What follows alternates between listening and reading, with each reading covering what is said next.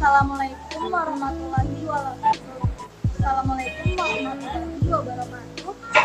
Selamat sore. Salam. Salam, Om Sosialisku, Namo Buddhaya, salam kebajikan. Alhamdulillahirabbil alamin. Puji syukur kita panjatkan atas nikmat dan karunia yang telah diberikan oleh Tuhan Yang Maha Esa sehingga kita semua bisa diberikan kesehatan sehingga kita dapat melaksanakan kegiatan diskusi asik pada sore hari ini. Tidak lupa pula salawat serta salam kita haturkan kepada baginda kita Nabi Muhammad SAW. Sebelumnya izinkan saya memperkenalkan diri. Saya Anissa Nur Aulia dari angkatan Oh, 2021 Assalamualaikum. Fakultas Kesehatan Masyarakat Universitas Mula Warman Iya Bu. selaku magang Dinas Kastrat, Kajian Strategi dan Advokasi, yang mana saya yang akan memandu agenda diskusi asik pada sore hari ini. Ya. Izinkan saya juga untuk memperkenalkan kembali pemateri kita yang sangat luar biasa, yaitu Bapak Dr. Irfan Syah Barudin Paki, SKM MKAS, yang juga merupakan Kaprodi SKM Unmul. Halo Bapak. Halo. Waalaikumsalam. Saya ucapkan terima kasih banyak kepada Bapak Irfan Syah dan juga rekan-rekan sekalian yang telah bersedia hadir dalam agenda diskusi asli kita dengan tema Omikron varian baru yang mencekam tanda tanya. Nah, tanda tanya kita ini nih yang nantinya akan dijawab langsung oleh Pak Irfan Syah. Masuk ke diskusi kita nih Pak. Dari berita baca mengenai Omikron, kasus ini pertama kali dilaporkan ke WHO dari Afrika Selatan itu pada bulan November lalu dan sudah banyak juga negara-negara lain yang telah terdeteksi adanya penyebaran virus ini. Nah di Indonesia pun juga sudah ditemukan kan Pak kasus pasien yang terinfeksi. Kalau saya tidak salah sejak tanggal 10 Desember kemarin hingga hari ini itu terdapat 152 kasus orang yang telah positif virus Omikron. Nah, Pak, sebenarnya mutasi virus Omikron ini apa sih, Pak? Dan apa saja bahaya yang dapat disebabkan oleh virus ini? Silakan, Bapak. Ya, jadi eh, Assalamualaikum warahmatullahi wabarakatuh. Selamat sore semuanya. Mohon maaf ini karena lagi tidak. Eh, jadi memang kegiatan pandemi ini itu sudah saat ini sangat eh, sampai pada tahap yang sangat meresahkan. Jadi ketika kita berbicara tentang pandemi COVID-19, itu saat ini banyak sekali mutasi-mutasi virus terkait hal eh, virus COVID tersebut. Akhir-akhir ini muncul varian terbaru yaitu varian Omicron ya. Jadi eh, awal Desember kemarin juga sudah ditemukan eh, pertama kali kasus eh, pertama ya pertama kasus Omicron di Indonesia sehingga ini perlu kita waspadai bersama. Nah kalau kita berbicara tentang Omicron eh, di beberapa negara sebelum masuk ke Indonesia itu sangat eh, cepat. Artinya penyebarannya bisa bisa lebih cepat. Dan juga eh, ada kombinasi dengan varian delta sehingga eh, kasus delta dan omikron ini biasanya disebut dengan delmikron nah eh, di Afrika itu penyebarannya cepat ya sampai di Amerika pun juga eh, kalau lihat beberapa artikel-artikel jurnal itu katanya sih terjadi tsunami kecil ya. Jadi eh, yang awalnya Amerika itu sudah bebas menggunakan masker kemudian ketika eh, saat ini Amerika kembali menerapkan eh, pemakaian masker di seluruh wilayahnya. Seperti itu. Nah sekarang kita di Indonesia sudah mulai juga sudah mulai masuk kasusnya sehingga kita tetap harus uh, mematuhi protokol kesehatan. Tentunya dengan tetap menjaga protokol kesehatan, menerapkan 5M ya, jadi menjaga jarak, menggunakan masker dan lain sebagainya itu tetap harus dipertahankan. Karena kalau berbicara tentang virus ya pasti penyebarannya itu ya, jadi penyebarannya bisa lewat udara ya. Jadi tetap harus menggunakan masker. Iya kebenaran kan seperti itu. Benar ya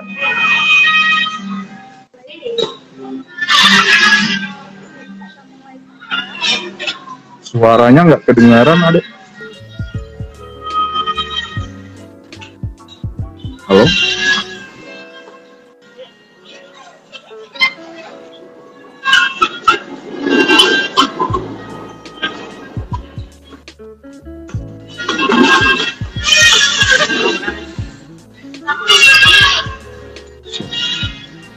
sorry suaranya nggak kedengaran saya nggak dengar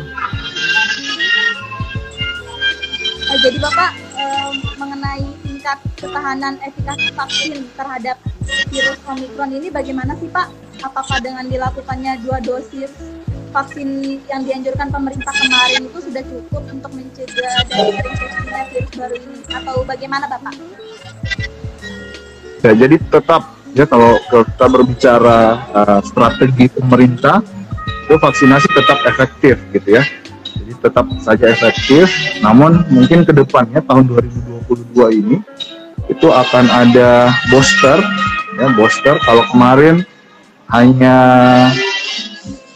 petugas kesehatan saja nakes nakes saja yang diberikan booster untuk vaksin uh, COVID. Nah, di 2022 ini itu pemerintah melalui Kementerian Kesehatan sudah mulai uh, apa namanya mulai melakukan booster.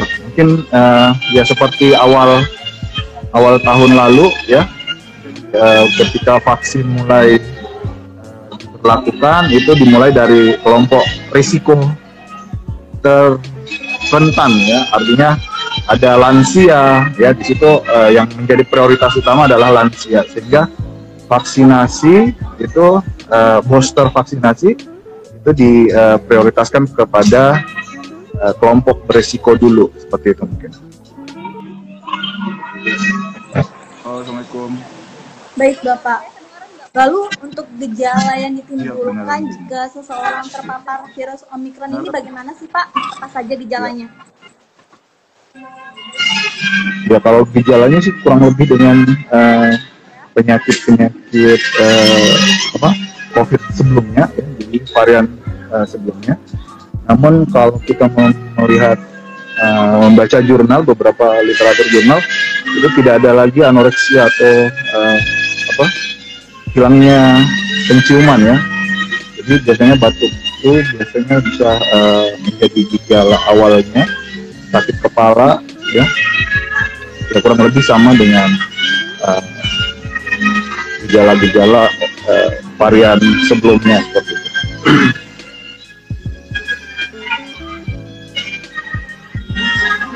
Hmm, baik Bapak, untuk teman-teman yang sedang menonton mungkin jika ada pertanyaan boleh langsung ketik di kolom komentar ya.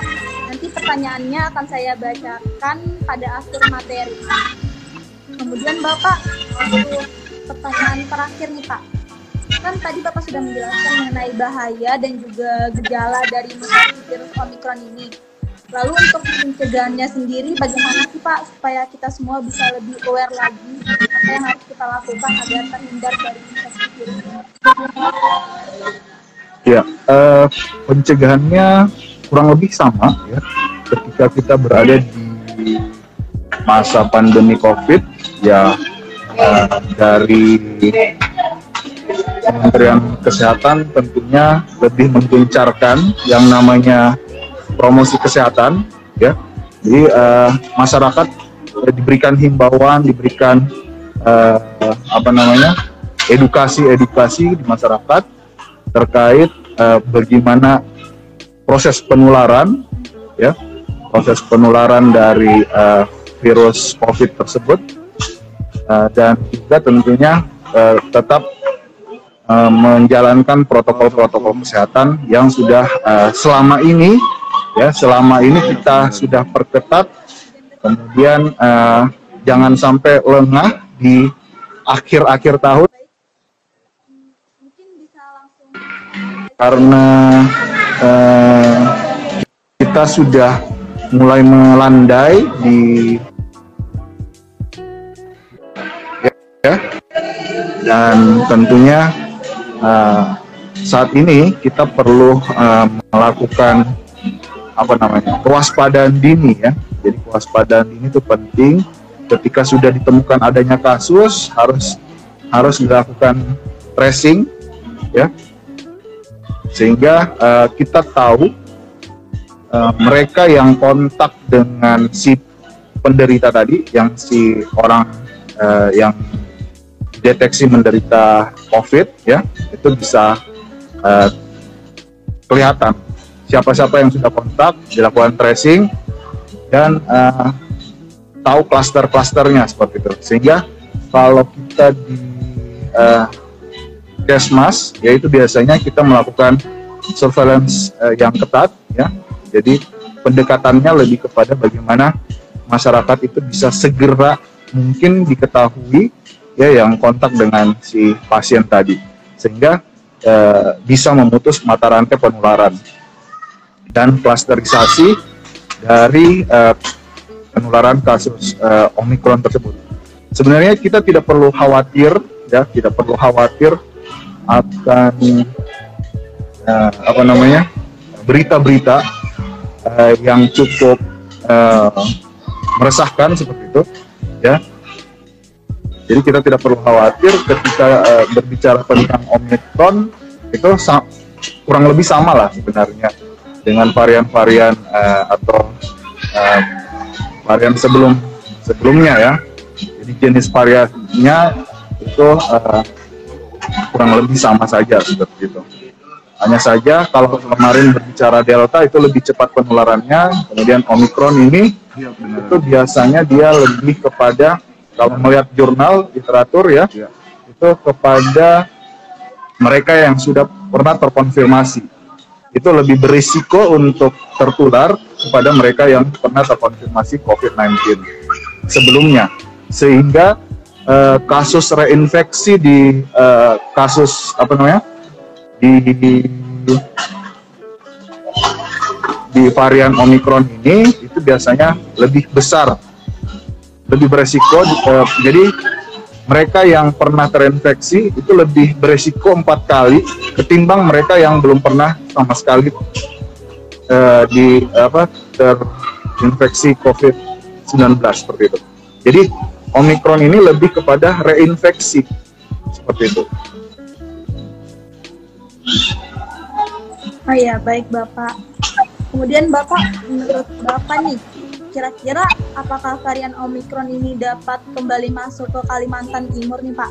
Dan apakah virus ini lebih mematikan dibandingkan dengan varian sebelumnya? Ya, jadi kalau eh, berbicara apakah bisa masuk atau tidak, ya semuanya pasti bisa ya. Jadi peluang peluang peluang hmm, penyakit gitu ya jadi peluang penyakit itu bisa masuk eh, ke Kalimantan Timur ya dengan varian de Delta, Omicron itu juga eh, sangat berpeluang untuk masuk.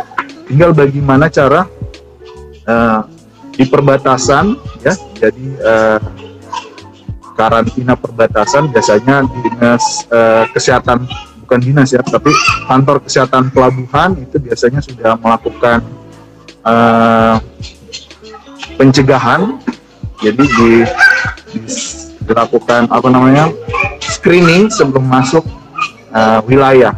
Nah itu yang perlu diperketat. Sehingga uh, memang dengan adanya aplikasi-aplikasi yang dimunculkan oleh Kementerian Kesehatan seperti Peduli Lindungi, seperti EHAK itu sangat membantu teman-teman di KKP untuk menjaga perbatasan wilayah untuk terjadinya penularan dari uh, jadiin podcast dari wilayah luar Kaltim yang masuk jangan sampai uh, bisa masuk ke Kalimantan Timur mungkin seperti itu. Oh baik bapak. Uh, udah nih teman-teman kalau ada yang ingin ditanyakan langsung kepada Pak Irfansyah boleh langsung ketik di kolom komentar ya.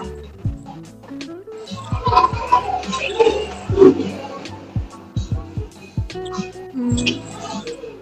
Bapak, dari saya nih Pak, uh, pertanya saya ada pertanyaan nih Pak. Untuk mengetahui apabila seseorang itu terinfeksi virus Omicron, apakah sama halnya seperti tes COVID kemarin Pak, dapat dengan melakukan tes antigen atau PCR begitu Pak? Ya, jadi kalau efektivitasnya sendiri, uh, eh, PCR cukup efektif ya untuk mendeteksi. Uh, jadi ada beberapa kasus yang memang bisa dideteksi oleh uh, eh, PCR. Akan tetapi kalau kita berbicara tes antigen, ya itu kurang efektif ya, jadi kurang efektif untuk antigen. Tetapi ketika ada gejala, kemudian dilakukan swab antigen hasilnya negatif maka uh, ya kemungkinan besar masih bisa di apa namanya masih bisa ditingkatkan ya. Jadi uh, level tesnya bisa ditingkatkan ke level PCR seperti itu sehingga uh, PCR juga bisa mendeteksi dengan Omicron jadi sangat efektif sebenarnya Nah, sehingga pembatasan-pembatasan uh, sosial kemasyarakatan sebenarnya uh, pemerintah mau uh, melakukan pembatasan itu sangat efektif juga sebenarnya. Jadi uh, mereka yang perjalanan-perjalanan liburan akhir tahun sebenarnya ini ini kita sangat perlu diwaspadai ya.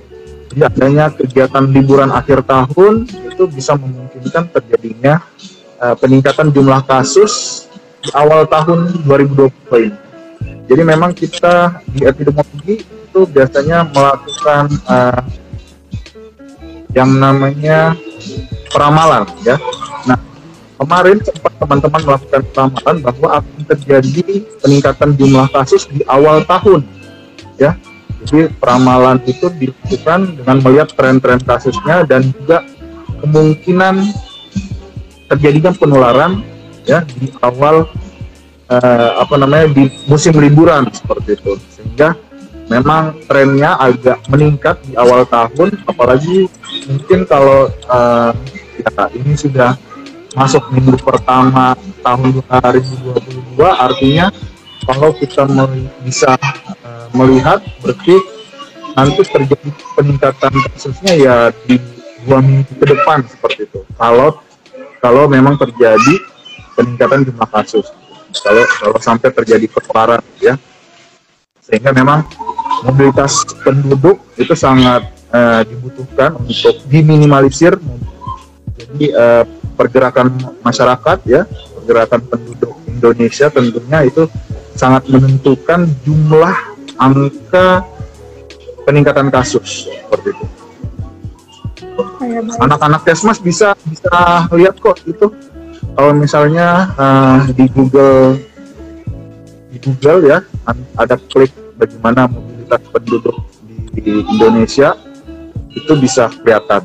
Jadi uh, mereka yang pergi liburan ke tempat-tempat wisata, kemudian ke uh, taman-taman, sehingga bisa terjadi penularan di wilayah-wilayah uh, tersebut. Ya, Baik Bapak, terima kasih atas jawabannya. Saya mohon izin membacakan pertanyaan ya. dari kolom komentar. Dari ini ada beberapa titipan pertanyaan dari rekan-rekan FKM.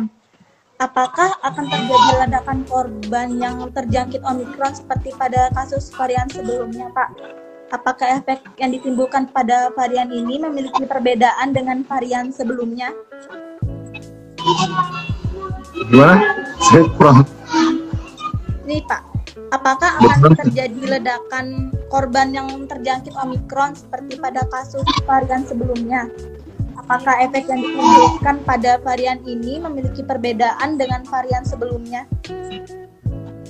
Ya, jadi kalau kita berbicara uh, virusnya, ya akan akan sama aja, akan sama aja uh, dengan sebelumnya ya. Jadi akan sama aja ketika kita tidak mewaspadai penularannya maka akan terjadi lonjakan kasus. Seperti tadi yang saya katakan bahwa dengan mobilitas penduduk yang cukup tinggi di akhir tahun maka akan ya kita prediksi akan terjadi lonjakan kasus yang sama seperti di uh, awal tahun lalu ya atau di Juli Juli tahun lalu ya di awal uh, di Juli tahun lalu ya tahun 2021 itu terjadi peningkatan uh, yang cukup signifikan dengan adanya uh, ya tapi uh, akan akan berbeda mungkin ya ketika uh, kalau kita melihat data dari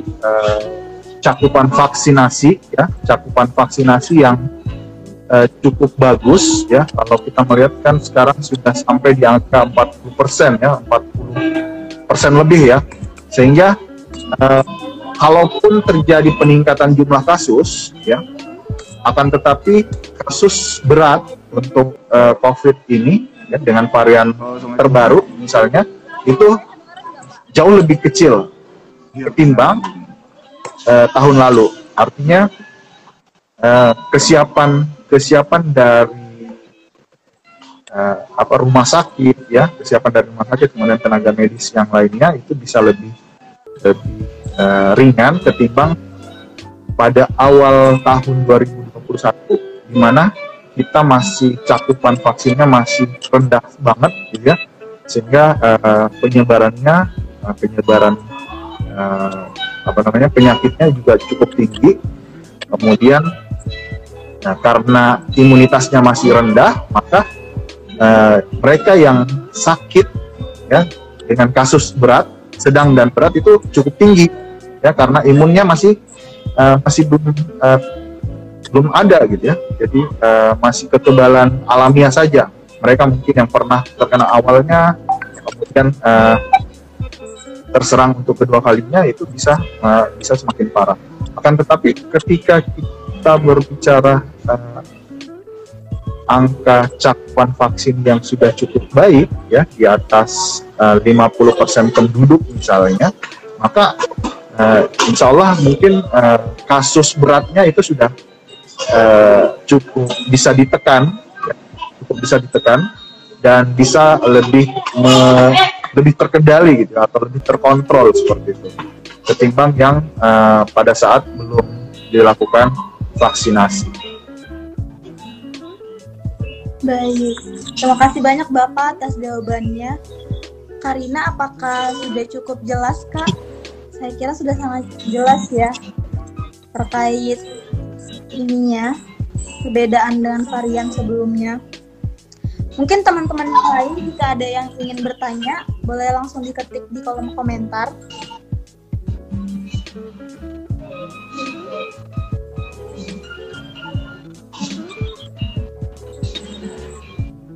Jika tidak ada Halo, Assalamualaikum.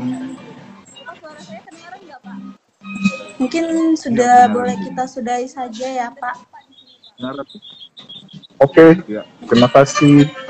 Baik, sampailah kita di penghujung acara. Terima kasih banyak Pak Irfan sudah memberikan ilmu yang pastinya sangat-sangat bermanfaat untuk kita semua. Terima kasih banyak Bapak. Ya, terima kasih.